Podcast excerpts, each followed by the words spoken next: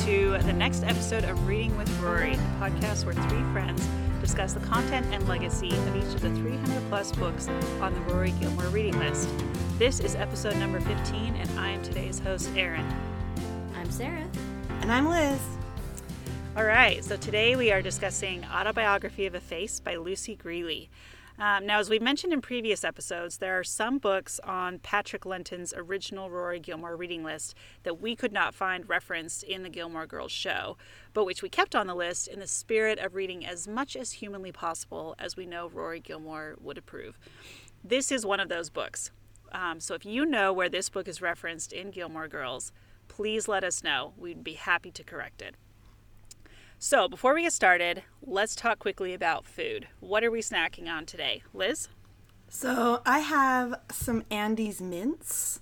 Uh, they're kind of left over from Christmas. Um, students give teachers little presents sometimes, and someone gave me a box of Andes mints, and that's what I'm snacking on. They're good. Nice. Are these the regular Andes mints or like the peppermint red ones? Like your standard Andes mints. Awesome. Love Super it. exciting. Yeah, just month old Andes mints from a seventh grader. hey, you know, So good.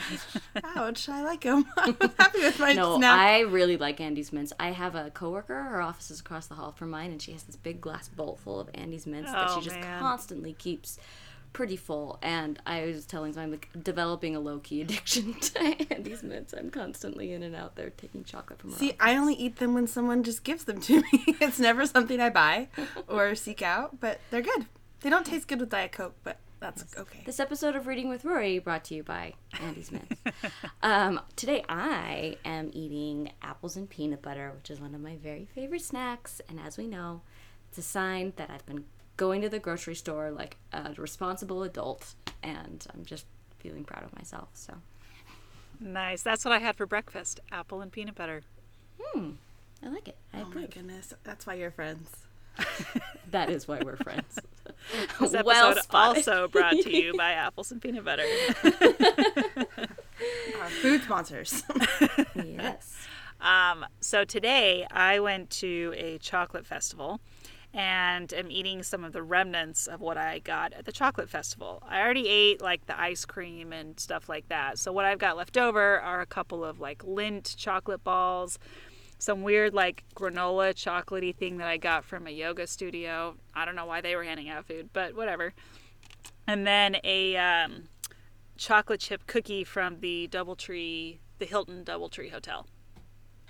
So that's what I got. There's like interesting participants in a chocolate know, festival. right? also, was the chocolate festival um, inside or outside? No, definitely outside. It was freezing cold. Not a smart idea to do a chocolate festival outside. Whose idea was this to do a chocolate festival outside in Boston in January? I think. Uh, Does it involve just like lots of just eating lots of chocolate? Are there things like carved in chocolate to look at? Like what kind of like, No, it's not that do? fancy. It's basically like long tables set up in Harvard Square, um, Uh-huh. and vendors can come and hand out samples. then So there's like just- the DoubleTree Hotel. Like, are they pillow mats? Right, or- right. yeah, so it's like just a like DoubleTree Hotel. advertisers with like chocolate somewhere in there to give out stuff. Cool, that's Well, fun. I mean, have you guys ever had a chocolate chip cookie from the DoubleTree Hotel? Um, no, I you know Okay. I couldn't say. I mean, that's that's okay. So when I used to go to Dallas for work, um, you know, I'd be in Dallas for like a couple weeks at a time, and a lot of times I would stay at the DoubleTree, and they have just like warm chocolate chip cookies that they give you like every day, and they were amazing. Like probably because they were warm and they just tasted good. I don't. I mean, this one's cold, so at some point I may go stick it in the microwave because it will taste better. But they kind of have a little Erin's bit gone. We'll know where she went. Like, she just went of. to You hear like a Newcomb weird Cookie. beeping in the background. yeah. Just microwaving my cookie. As I leave my closet to go microwave my you cookie. want it warm? I get it. Very high tech here. Um, no, so I have like a little bit of a soft spot in my heart for DoubleTree chocolate chip cookies Okay, because of that.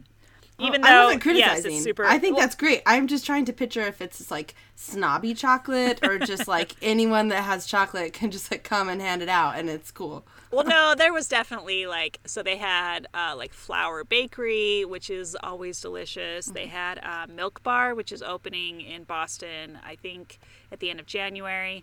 Um, they had uh, JP Licks, which is an ice cream chain around here. Um, a bunch of restaurants who you know do like desserts came and you know so there was like a chocolate and pear tart. Ooh. I mean, no, this things like sounds fabulous. I mean, no, I'm that all for this. fabulous. This is great. Yeah, so there were a lot of. There was one. Uh, David's Tea was giving out like chocolate tea, which was kind of a strange concoction. But um, anyway, so there was just like a lot of stuff like that. Um, plus, oh well, Halo Top Ice Cream was doing like a blind taste test, so they'd give you like two samples of a part of one type of ice cream, and then you would take whichever container you liked better and dump it in a bucket, and you know it's like a blind taste test thing. And you're like, mm, I tasted both of these. Neither of them taste like ice cream. Well, I'm I'm pretty sure I've discovered the the dairy ice cream, you know, because Halo Top is non-dairy or whatever it is. I don't think it's that hard to figure out which one's dairy. I mean, it just no, takes a whole Halo lot. Top ice cream is lot smoother. gross. They just Yeah. did a good job with like making the containers cute, right? I Like, know. so- I- well, so in my mind, it wasn't hard, but who knows? If I was wrong, then man, props to them. But um, anyway, so so it was like real vendors plus you know stuff like the DoubleTree and the yoga studio. nice, nice. I like Yeah. it. That sounds fun. Yeah. Um, okay, so now that uh, now that we've had that fun conversation, um, let's dive into the world of Lucy Grealy. So I wanted to. I was looking at several different summaries for this and decided that the summary on the back of the book was actually the best one in terms of explaining what the book was about. So I'm going to read the summary from the back of the book. It says At age nine, Lucy Grealy was diagnosed with a potentially terminal cancer. When she returned to school with a third of her jaw removed, she faced the cruel taunts of classmates. It took her 20 years of living with a distorted self image and more than 30 reconstructive procedures before she could come to terms with her appearance. In this lyrical and strikingly candid memoir, Grealy tells of her story of great suffering and remarkable strength without sentimentality and with considerable wit. She captures with unique insight what it is like as a child and young adult to be torn between two warring impulses to feel that more than anything else we want to be loved for who we are while wishing desperately and secretly to be perfect. So I thought that was um, I thought that was good. I also appreciated this review by uh, Joyce Carol Oates called "Do You Love Me," written in the New York Times, and uh, there we're gonna actually uh, come back to this article a little bit later, but I wanted to read a little bit about what she wrote about um, about this book. She says, Ours is a memoir obsessed literary culture. With the waning of confessional poetry, what we might call the memoir of crisis has blossomed. The strongest of these may be beautifully composed, but beauty is hardly the point. As Robert Lowell famously remarked, yet why not say what happened? Lucy Grealy's autobiography of a face, published in 1994 when she was 31, has become a classic of this genre. Here indeed is a beautifully composed work of literature, a sequence of interlocking essays that explore the author's experiences as a survivor of a disfiguring facial cancer, making pathology a mirror of the human condition. Autobiography of a Face is also a moving meditation on ugliness and beauty, of particular significance in a culture obsessed with the outward self. Uh, strict, uh, yeah, let's see. We'll call it good there. Like I said, we're going to come back to this, so I think we're good there. Um, okay, so let's talk about it. What did we think about the book? How did we enjoy this read? Liz, let's start with you.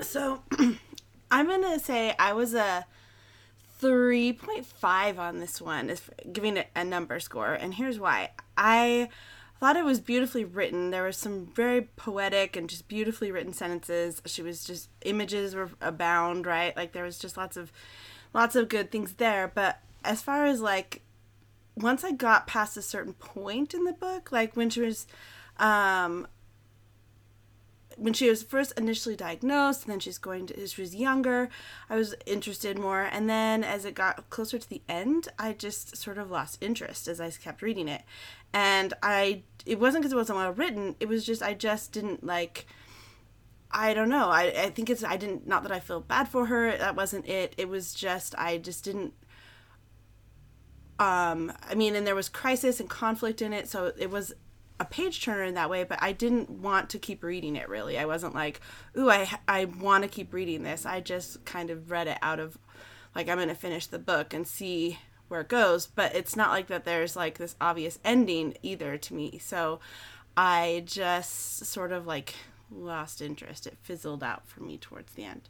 So that is where I stand on it. It was there were some be- beautiful things in it, but I I don't know, maybe I felt too sorry for her and it was too sad to read. I don't know, but it was just it just kind of fizzled out for me.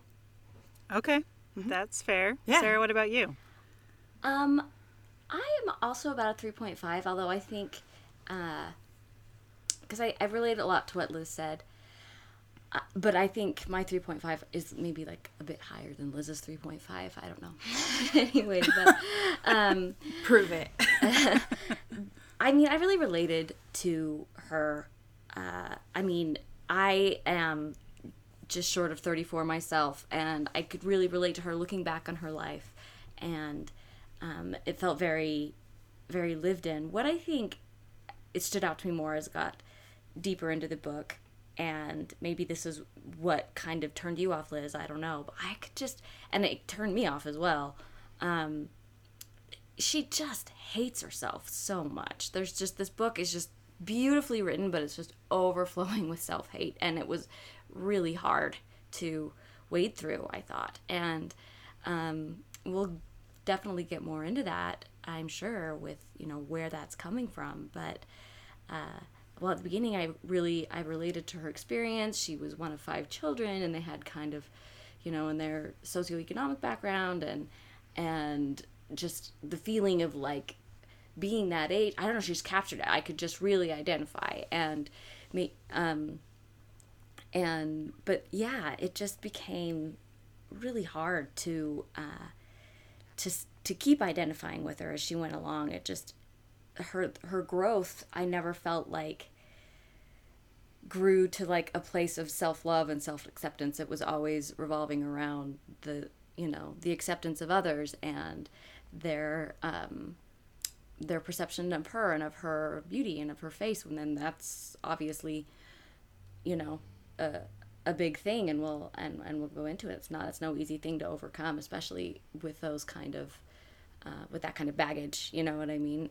But it it it was it was difficult for me towards the end. She she was in such a negative place that it made me feel pretty pretty down as well. So i hear what liz is saying but i also like the writing just blew me away. She's such a good writer Yeah, I yeah, I definitely agree with that. I think that I would probably give this I'm probably also in the 3.5ish range.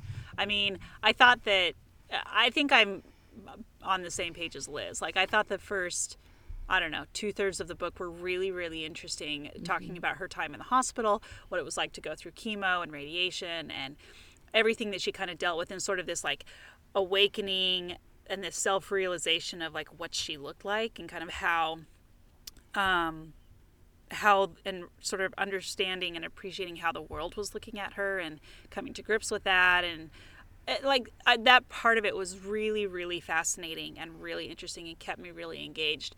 But then it sort of it was like once that part was kind of over then it was almost like the rest of the book was like and here's everything else that happened. Or, or i don't know like it just it was kind of like okay and life continues. I don't know like it the t- i felt like maybe the tone of the book changed a little bit or or she rushed it. Maybe? Yeah it felt a little it, bit rushed maybe, like, it felt a little bit rushed. almost I just mm-hmm. kind of like her, like before she was this nine year old and she had all this spunk and like it was almost kind of like she went through, you know, adolescence and puberty, like while she was going through this horrendous, awful thing and like kind of came out on the other end like kind of a difficult person to to stay with you know what i mean i don't know that was sort of how i felt about her Yeah, maybe so. I mean, I think that later on we'll talk about we'll t- we're going to talk about more a little bit more about her life that I think kind of helps explain some of that a little Yeah, bit. But yeah. um, she had a pretty sad life yeah, she did. So uh, yeah, I think it's interesting. Um, Okay, well, so here is some of what uh, Lucy's sister, Sue Ellen, had to say about her experience reading the book. And I thought this was interesting, um, you know, given that, because there were many times when I read, when I was reading it, thinking, I wonder how the rest of her family felt, felt about all of this. Where's like, her, where are her siblings? What's going on? Right, like she doesn't really talk about her siblings very much. She talks about her, her twin sister, Yeah. but she doesn't really talk about anyone else and other than like her mom and her dad. And I kept thinking, what are her other siblings doing? Like where are they? What are they thinking about all this? So, um so I wanted to read a little bit about how her sister Sue Ellen uh, reacted when she read the book. So here's what she has to say. Um, she said uh, her her life, meaning Lucy's, had been hard, but she had also experienced more joy than many. As a child, she was diagnosed with a cancer in the bone of her jaw. Treating it was physically agonizing and hugely disfiguring. As an adult, she wrote about it to enormous literary acclaim in a book called Autobiography of a Face. Even while she was alive, I found it difficult to read. Her descriptions of my father, who died in 1979, were unbearably true. Finding him on those pages, singing or talking to our dogs, was like dreaming. A phrase about looking out the window above the kitchen sink of our childhood home in Spring Valley, New York, was like chancing upon a yellowing photograph of a place I had once loved. When she wrote about my mother, I felt I was standing outside the door, listening to conversations I had already heard. Um, and she said there was also irritation, for much of the book was careless. It was the first time I had experienced reading about my family and parts of my own life, and I realized how easy it was for Lucy simply to select her vantage point. I learned, too, how easily readers would accept it as the only true vantage point. But I was happy for Lucy. The book's success was a first class ticket to a world she loved, in which doing what she thought she wanted, writing, earned money. Hmm. Yeah, so I thought that was really interesting. That is really because yeah, I thought the like, exact I guess thing. I'm happy for her. I mean, all right. But no, I really thought about like you're going through this horrendous thing and you're in it alone. And she talked about that scene when her parents leave her. Oh my gosh, I was just like, Yeah. um, like going through something. So then they like turn around, like, okay, you got this. Double thumbs up, out the door. like, Mm-hmm. uh, your child is about to, you know, be you leave her alone in the hospital. And I again it had me thinking back. I had was like really personally relating to it. I had my appendix out when I was 12, which is totally the same, I know.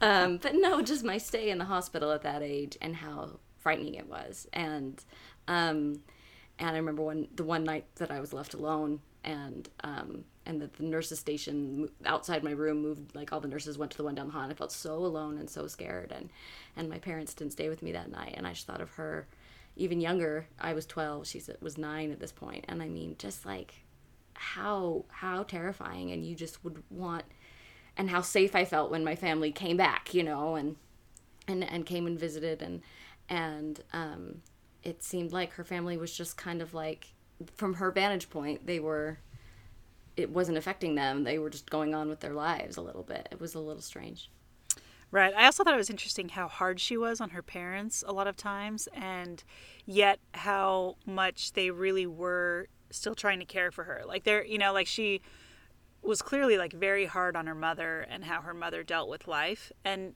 maybe deservedly so. But yet I was like, yeah, but look at how much your mom is still like, like how much she's sacrificing to get you to the doctor every single day and to take care of you, perhaps to the neglect of her other children. And, um, you know, and how her, and she, when she would talk about how her father would come down the hall and sometimes she'd just pretend to be asleep because it was so awkward for the two of them to be there together, even though she knew that he loved her and he was trying to be there. I don't know. I just thought it was a really interesting like Well, she sh- definitely gives off this air of like I am alone, but I don't I don't really think she was. Well, she Right, but worded like- it this way. Hold on, I, I'm sorry, whoever I just cut off. I, but I, in, I remember on page 58, she said when they would visit her, she would say, "I was in one place, they were in another, and they were only pausing. Like they just came to see her, but she was there all the time. Like this is a pause for them, and for her, she was there all the time.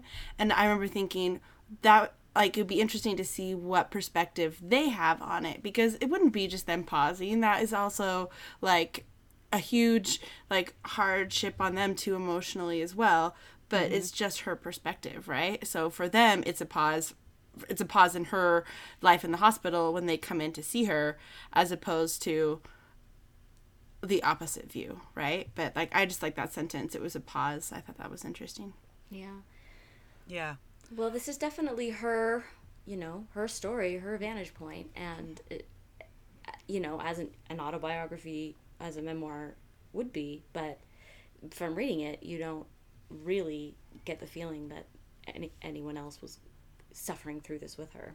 Yeah, it kind of uh, harkens back to our conversation with Angela's Ashes, you know, where it was like, how is he remembering all this? And holy cow, like, what a crazy experience. And It's like, well, yeah, but that's also his perspective. In fact, like this whole idea of you know memoir and the perspective that we give it she she directly addresses this when she in the first chapter um, on page 15 um, of the version that I that I read, she said, uh, as I sat, this is like right after she was playing softball, I think it was, and she got hit in the jaw, um, and it's like right at the very beginning of all of these problems. And she says, as I sat there on the playground, sticky asphalt, I experienced time in a new way. But perhaps that memory has has significance because of the way my life has unfolded. It seems almost uncanny to me that I did not know. How could I not have? Um, anyway, and so she goes on, but it's just, you know, she says it's impossible for me not to revisit this 20 year old playground scene and wonder why I didn't go right when I should have gone left, or alternatively see my movements as inexorable.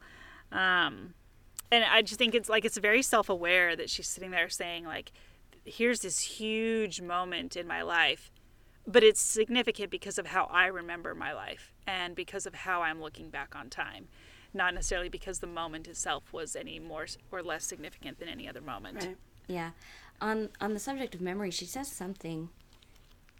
Sorry, give me a second to find it. was it Oh. at the end when she said i didn't remember it i wrote it Um, no, ooh, but I like that. Isn't that interesting? I think I don't know if she said it or Ann Patchett said it about her, but I guess someone asked her at like a reading, like, "How do you remember this happening?" And she's like, "Well, I didn't remember it. I wrote it."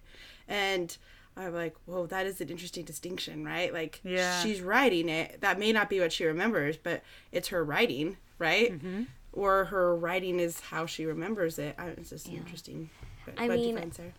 Um, just this sentence really jumped out at me where she's saying, um, excuse me, sometimes the briefest moments capture us, force us to take them in, and demand that we live the rest of our lives in reference to them.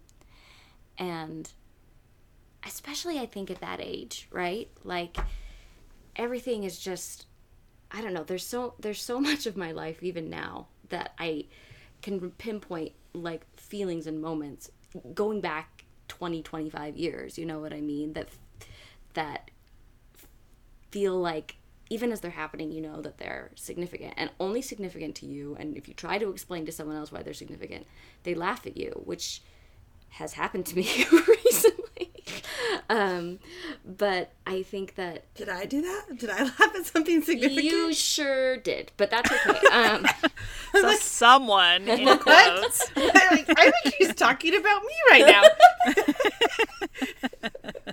it's fine but um, Oh my god, I'm so. I think we'll have a but like conversation there's things later. there are things that are so that are so meaningful to you that are just fleeting moments to other people and you know i think maybe that's why these kind of things stand out and you can maybe even almost reconstruct or not even re- like as you think about those moments almost as like like the sun that other stuff like orbits around you know what i mean it becomes easier to reconstruct those memories that are built around those moments in our lives and and i think that's what she's done very effectively and, I and you probably changed them in your mind too. I mean, Sure. the idea that you didn't remember, you wrote it. You're changing it as you think about it. Like it, that. I mean, uh, we've talked about this before too, and it goes back to that Mal- Malcolm Gladwell podcast that our memories change. Like things happen to those memories. So, Yeah. I just think it is interesting to look back that far back, and to her to say when that moment with the softball, right? Like if I had just turned right or left, I can't pinpoint a single thing in my life like that where I'd be like, if only I did this instead of this. Like I can't even think of like something even i mean like t- that far back there's not a moment that is that like Like if only I'd caught the tube and then I wouldn't have been mugged by yeah that no sliding doors. moments for me right?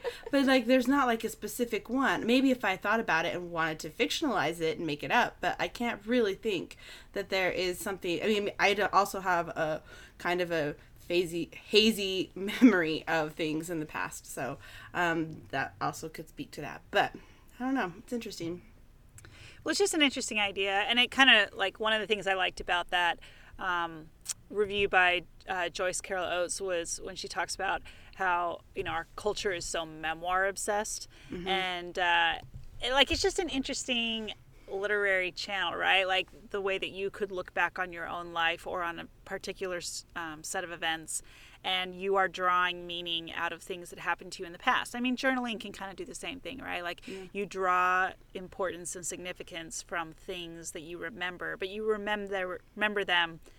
Your remembrance of them is tainted by the perspective from which you are looking at them. Yeah. You know. Anyway, it's just um, it's just interesting. Um, okay, so there are several things I want to talk about with this. Um, since this is such a recent book, it's not really applicable to talk about like how we read it now versus when it was written. But there are themes in this that are very relevant to our world today.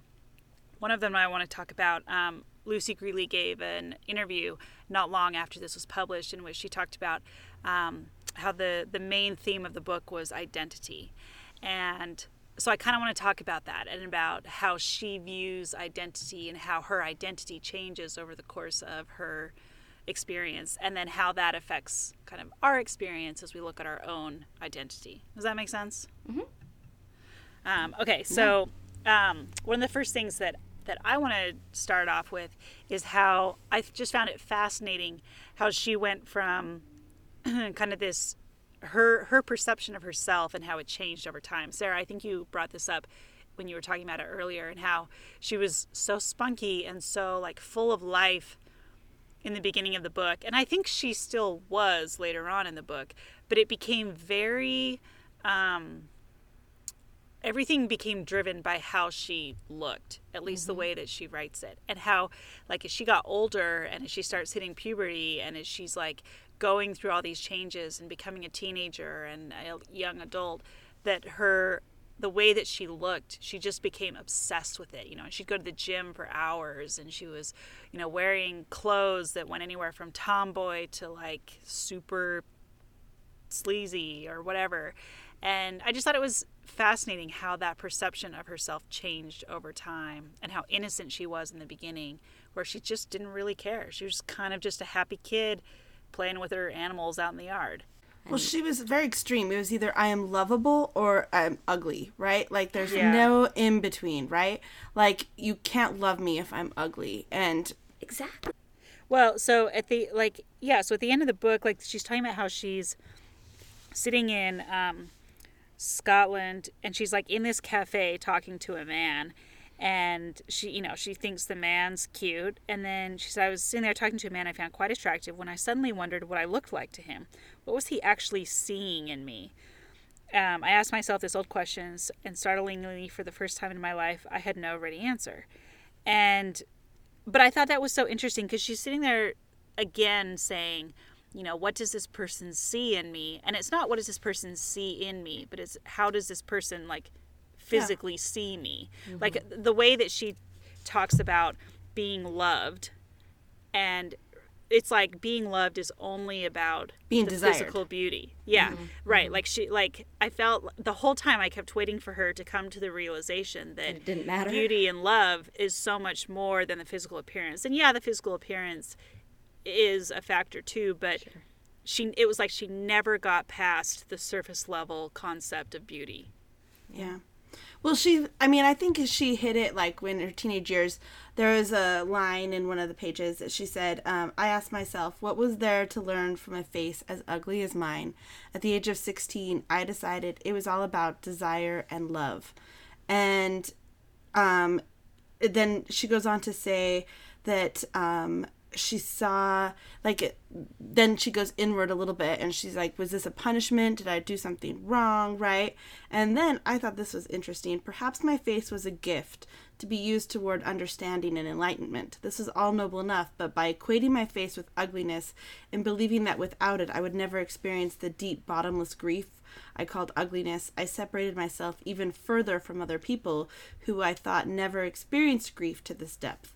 So it's almost like she judged other people and saw them who didn't experience her level of ugliness, in air quotes I'm using because you can't see because it's a podcast, but her level of ugliness. But she said, in actuality, as a judge and hangman, disgusted by my peers who avoided their fears by putting their energy into things as insubstantial as fashion and boyfriends and gossip.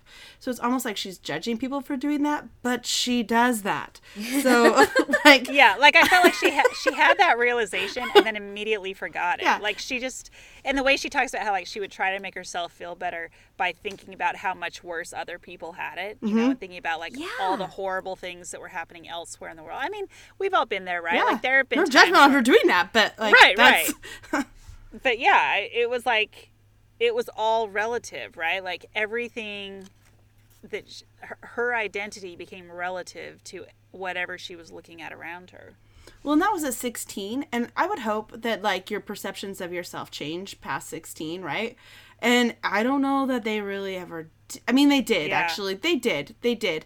But it was still very extreme. Like she, if they, if someone didn't desire her, and she was so hung up on that, right? Which is fine. But if someone didn't desire her, then she didn't find value in herself, which is so sad. I mean, that's, so yeah, sad. Yeah. It just broke my heart. Like it just jumps off the page. She just obviously couldn't look at herself and see a person of value because of you know her physical appearance, which is just I mean yeah, heartbreaking. I I found this page that I flagged, which is along the lines of what we were saying, how she viewed others. She says, "I viewed other people both critically and sympathetically. Why couldn't they just stop complaining so much? Just let go and see how good they actually had it. Everyone seemed to be waiting for something to happen that would allow them to move forward, waiting for some shadowy future moment to begin their lives in earnest. Everybody from my mother to the characters I read about in books, who were as actual and important as real people to me." was always looking at someone else's life and envying it, wishing to occupy it. I mean, that's exactly what she's doing. She's waiting for her life to begin when she can be, you know, when she can feel beautiful. That's when she can really be whole as a person. And and but she writes with so much disdain that other people do that too. It's just a natural human thing that everybody does. But we learn to um, see our own self worth apart from apart from anything, not even what we look like, but just uh whether you know, if you're living for the validation of others, you I mean, it's going to be pretty rough, empty existence ultimately, I think. Did she? I don't. I I- I read this a little while ago. I guess like a few weeks ago and forgot. But did she get? Um, did she see th- like go see a counselor or have therapy? Was she like talking to people about this? Because this seems to me like something like I mean, poetry is therapy in itself, I guess, and writing. But was she talking to someone about this? Could someone have I helped her? think, I mean, I feel like I remember something about going to a therapist, maybe, but I don't know how much she utilized that. Like, especially as she got older and she didn't have any money, I don't think she was Mm-hmm. going to. I don't think she was getting any help with yeah, it. and I mean, on it a talks regular about basis. that, and I, I know we'll get into this later, but like after her all of her dental work, and she talked about how she was in pain all the time, and how she's like pretty early on started abusing pain medication, Mm-hmm. and that she looked to you know pharmaceuticals to help cure her pain, and and that yeah. Anyway, Yeah, See, I'm- sad. This is why it fizzled out for me. Um, yeah, I mean, I just well, and it's it's interesting, right? Because like I read her thoughts about this, and I'm sitting there thinking, Lucy, every single person that I've ever met, at least every single girl that I've ever met, has had exactly the same thoughts. And maybe they haven't had half of their jaw removed and gone through like 30 reconstructive surgeries, but they still have exactly the same thoughts. I mean, there I have friends who haven't had a lot of dating experience, right? And they're now in their 30s and maybe even early 40s and they have not dated much. And it's like it defines them at times. And they just they see themselves as having no worth and no value and no attraction factor because they haven't dated much. And it's like it, like it's it's just it's fascinating how much that like outward physical beauty and that desire desirability factor like drives how you value yourself. And you know what? I think we aren't necessarily being very fair to her, and that she was took a lot of abuse, right? Like there was a lot That's of, true. you know, every girl does have these feelings of insecurity about how they look. Not every girl gets relentlessly teased and like stared at and just it's hard enough what you know but to what you know for the jokes like to be like the, the well, that just broke my heart when it was like the boys at school to tease this other boy would say that she was yes she was Yeah. his girlfriend and like that it was obvious that that's like the biggest like lowest of the low insult of insult was to say she would be your girlfriend you know Mm-hmm. and i mean that's gonna do a number on you too for sure Yeah, I mean, we all carry scars from whatever junior high and high school, uh, you know, things we have, but hers would definitely be um, to the extreme, right? Like, there's Yeah. reason that it's hard to get over that, and so Yeah. I mean, I think we can well that's what i'm saying her. like i think her experiences froze her in that place that most people Mm-hmm, do eventually grow out of because it, it was just so much worse But I also think, I mean, I'm, uh, I'm also surprised at like how her identity wasn't about like the cancer, which it was funny because I remember being surprised as I read this, and this isn't really a shift from the identity, but like she would go to school and she'd be like, "Well, I'm gonna be gone," and she was like, "I have a like, malignancy or something," and she never really like she would not know what was going on as far as like her disease and what was going on when she was younger, and she would be just so like casual about it, right? Like this is like this is, I guess my point is I was so surprised at how much this took her by surprise and how she didn't understand fully what was going on because I wouldn't know what's going on either, right? How would you comprehend what this disease is and like what's going to happen to you and why you have to keep going to the doctor and just the way that you just talk about it so casually. It seemed real as like what a little kid would do. But I guess the point is is like her identity wasn't like trapped into I'm sick and I've overcome this disease like so many people are like I'm a cancer survivor and I've put myself through this. It was it was seemed just a surface level more of like what I've looked for what I look like as opposed to what I have survived. I guess is also something that kind of surprised me.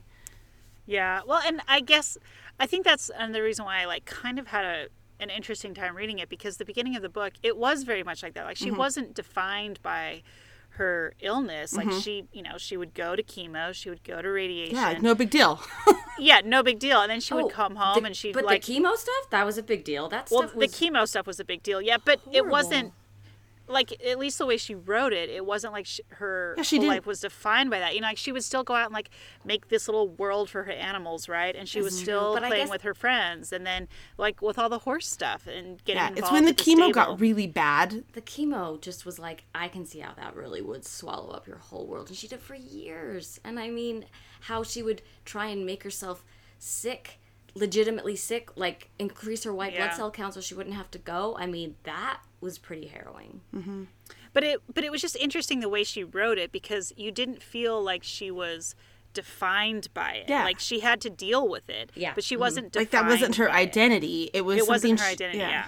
It wasn't until later that the effects of it became her can see that. identity. And I thought I thought just thought that was a really interesting transition. animals were part of her identity, which was it like there was a lot of like love and acceptance in animals, which I thought was interesting because Yeah. they would also be a big part of like accept you know a, a- someone who would love and accept you unconditionally would be an animal in lots of ways right so i think that she found acceptance and identity through her love for animals which uh, as much as i don't relate to it i thought that she described it really really well oh you guys Liz Don't say it. Just not- leave it. She's not an animal lover. Is all I'm saying. It's helpful to Animals are great. I am not a sociopath that doesn't No, like animals. she's just she just she's not a sociopath. It's But, like- like it's more like a fear than like a hatred. You know what I'm saying? Anyway. anyway, I'm just saying. Well, that sounds fascinating. I know Lucy loved animals, and I thought that part of it showed really what she was desiring from people. Right? Is that she wanted that acceptance unconditionally. Yeah. Like I felt so bad when her horse died, you know, like and she had to go through like I don't know, just the relationship that she had with her horse and that like just like total acceptance. Um yeah, I just thought that was a really valuable part of her of her being that again like she didn't really ever seem to follow up on down the road. Like I mean, I don't know if she ever maintained that same kind of relationship with animals as she got older. She didn't talk about it at least. Maybe she should have. That would have been good. Maybe she like should a, have. A, a care animal or something that we Like would a, like a Right. animal. draw on now. Yeah, I don't know. No, I was thinking about the animal thing a lot, but um, and how yeah. Anyway, that that's a good point because yeah, I think her methods of coping could have used a healthier outlet later in life. So it's too bad. Um, yeah. Well, it's it's interesting. Um, anyway, so okay, so I think we have, unless you guys have other topics in the book that you want to talk about, I kind of want to transition to the segment where we talk about where else this book pops up. Not that this book actually pops up in other places in pop culture. Again, it's fairly recent, but I want to talk about the relationship, kind of what happened after the book and her relationship with Ann Patchett and uh, things like that. So before I jump into that, was there anything else that either of you wanted to bring up? Nope. I'm good. Okay, great. So, um, interestingly, one of the other books on our list, Truth and Beauty, A Friendship, written by Ann Patchett, is all about Ann Patchett's relationship with Lucy Grealy and their friendship when they lived together in um, Iowa. So, They were like roommates at Sarah Lawrence, right? yeah, yeah. They well, yeah, they became friends at uh, Sarah Lawrence, and then it continued um, when they enrolled in the Iowa Writers Workshop, Okay. and uh, or at least I think that's how it goes. Anyway, they talk a lot about the Iowa Writers Workshop, and that being kind of where they spend time together. So, um, we like. We're not going to go into Truth and Beauty because we will wait until we get to the T's and then talk about it then. So stay with us until the T's. Is that the only Ann Patchett book on there? No, Bel No, Canto. no, Bel Canto. Oh, okay. I'm like, wh- we have to wait till that to talk about Ann Patchett? No. All right, go ahead. No, no, no, no. Uh, yeah, we have Bel Canto coming up soon. But um, anyway, so I wanted to read a little bit from the uh, kind of the inside cover of Truth and Beauty, just because it relates here. Um, so it says Ann Patchett and the late Lucy Grealy met in college in 1981, and after enrolling in the Iowa Writers Workshop, began a friendship that would be as defining to both of their lives as their work. Um, in Truth and Beauty, the, the story isn't about Lucy's life or Ann's life, but the parts of their lives that they shared. This is a portrait of unwavering commitment that spans 20 years, from the long winters of the Midwest to surgical wars to book parties in New York. Through love, fame, drugs, and despair, this is what it means to be part of two lives that are intertwined and what happens when one is left behind. Um, and so I think, you know, as kind of a, a teaser, this book, Truth and Beauty, gets a little bit more into, I think, kind of how someone close to Lucy saw Lucy and saw her in some of her hardest times down the road when she was addicted to drugs and when she was dealing with some really hard things. Um, so, as mentioned in here, Lucy Grealy died when she was 39 uh, back in 2002. So, after her final reconstructive surgery, she became dependent on Oxycontin and then eventually died of a heroin overdose. Um, so again like we'll talk about this more when we do the truth and beauty episode but uh, going back to the article by lucy's sister sue ellen um, she was reportedly opposed to ann patchett's description of lucy in her book and claimed that ann patchett and harpercollins the publisher stole the grealy family's right to grieve privately. So um, here's a little bit more about from uh, the Joyce Carol Oates article on the end of Lucy's life. Um, okay, so it says In all, Grealy would endure 38 operations until exhausted and demoralized and increasingly dependent on drugs. She died of an apparent heroin overdose in December 2002 at the age of 39. She had attempted suicide several times and had more or less abandoned her once promising literary career. As Ann Patchett observes in her memoir of their 17 year friendship, Lucy had a nearly romantic relationship with death. She had beaten it out so many times that she was convinced she could go and kiss it all she wanted and still come out on the other side. She believed that the most basic rules of life did not apply to her. Um, so then, Truth and Beauty is a harrowing document composed in a spare, forthright style, very different from the elegant artifice of Patchett's best known novels, The Magician's Assistant and Bel Canto.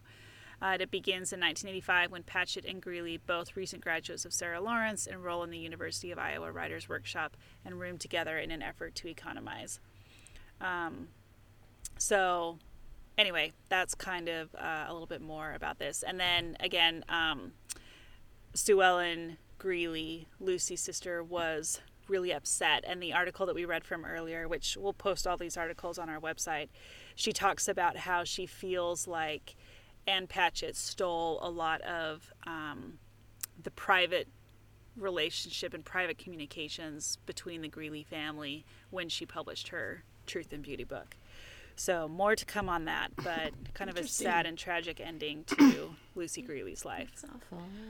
Yeah. Well, I mean, I would think I can see whose right to grieve is more important. Like this is probably how Ann Patchett grieved too, is to write her write this down, right? Like I don't see her I don't know, that's just interesting to like battle your grieve your grieving wars out in public, I guess is sad. Yeah, well, and it's interesting because um, Sue Ellen Grealy talks about how, um, for a time, well, she said she says Ann was a far better sister to Lucy than I could ever have been, um, and because Sue Ellen had moved to London while they while Lucy was still in college, Mm-hmm. and she talks about how Ann Patchett really cared for her. She she gave her money, she took care of her emotionally. Yeah. Like she was she was really a true friendship to her. And when Lucy did go to London and spent time in Scotland and was around Sue Ellen a lot, Sue Ellen would email Ann and say like what do i do like she would go to her for advice and to talk to her and she got a real sense of how much ann had done for lucy um, because she could see the way that lucy just kind of interacted with the world and had this like real lack of interest in a lot of things that were going on around her and so it's interesting to see that they had this real connection as people who had cared for lucy and then it just sort of like fell apart with the publication of this subsequent work. Yeah. Well, I just think that it's it's kind of presumptuous of Sue Ellen, I guess, to think that that they are the only ones that could grieve for her. I mean, I guess not. They're not saying that, but like that. That just that's how Ann was probably grieving too, is by writing it into a book. So that's all. Yeah. So, um, as we now come to the end of our episode, we have one final segment left, and that's the now what portion of our discussion. So, after listening to kind of an inspiring but also sort of depressing story, let's talk about what this book has inspired us to do. Sarah, you first. Okay, well, I have two. And one is something I've already kind of been working on this year. Um, if you notice like an underlying theme through some of my comments, this has been something that's been on my mind a lot um, in the recent weeks. Um, and something I've been talking a lot about with my therapist and things like that. But just the idea of like, um, of self love, right? And that's been a hard thing for me my whole adult life. And something my therapist has been helping me with is these kind of like guided meditations with this kind of like self love affirmation stuff, which is really kind of like hippy dippy new agey for me and uncomfortable and strange.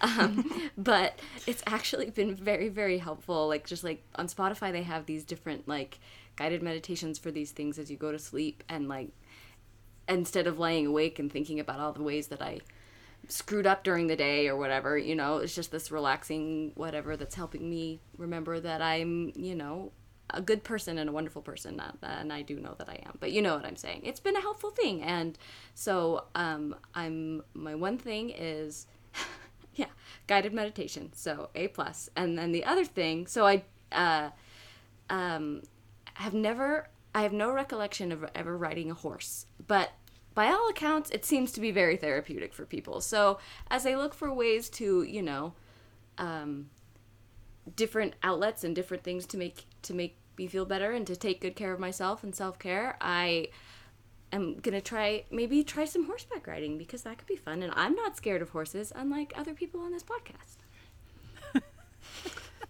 I'm scared of horses. Well, I will ride a horse with you, Sarah. Thank you, I, Sarah. I have ridden a horse before, and I thought it was wonderful. I've ridden a horse be before too, so Sarah. I have ridden one. I know. Well, fine then. I guess by the time I got old enough to ride horses, it was kind of like Oh old my hat on the family goodness. farm. anyway, My goodness. so um, but no, I'd love. I think it'd be like a, a fun, different hobby, and um, um, so I should give it a shot.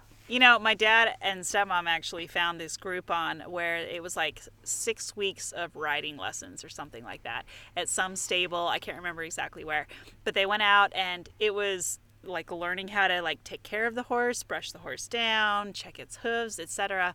And then learning how to put the saddle on, and then also learning how to ride. And my dad loved it so much. He got way into it. He bought cowboy boots, did all these things. Like he just, I think he even bought a cowboy hat. Like he was way into it, and just thought it was so therapeutic. I mean, I think it helps that like his grandfather, uh, my great grandfather, was a cowboy in southern Utah, like a legit real cowboy. Yeah. And uh, so he was like channeling his inner, um, you know, heritage. But uh, anyway, so something like that. You can find something like that. I totally want to, um, and you can come and do it with me, Erin. And we'll- Yay! I will do that.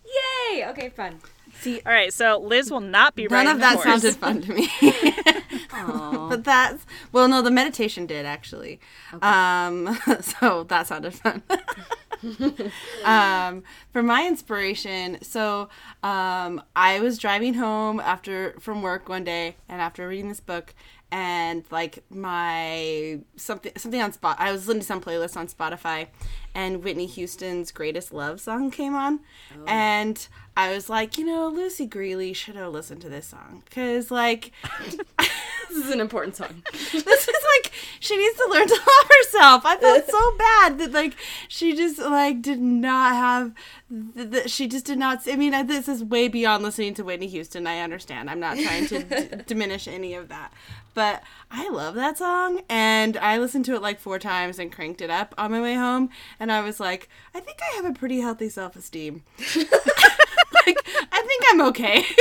so, um, more pr- to the point, I probably should just go to the doctor and check out like my physical health, so I can also not be sick if I'm sick. I don't know, maybe I am. So that's more what I should be inspired to do. All right, fair enough. Fair enough.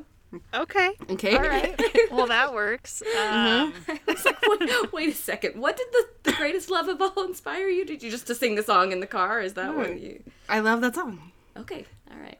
Cool. Well, Erin? That's great. Liz Liz has reached a state of self esteem nirvana. So I've been there for a while. uh, okay. Well, I so um I don't think I was really on either of those boats in terms of developing more or recognizing enough self-esteem in myself. Um, I mean, it really, Extremes. de- enough. I'm good. it really depends on the day. Sometimes I'm yeah. pretty pretty good, and other days I'm like, oh, I'm the worst.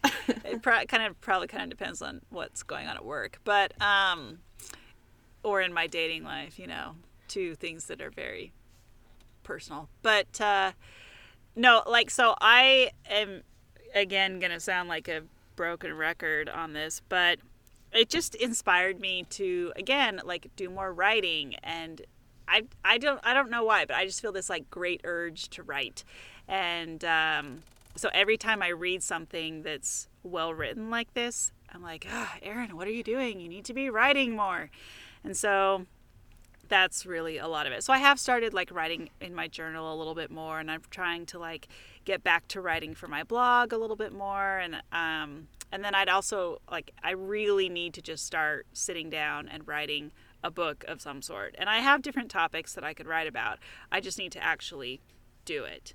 So that's I mean, again I think that's I awesome. But I. I feel like you don't need to because it would be I think you want to and that's awesome. But like you don't be don't be so hard on yourself since this is what we're talking about. Like mm-hmm.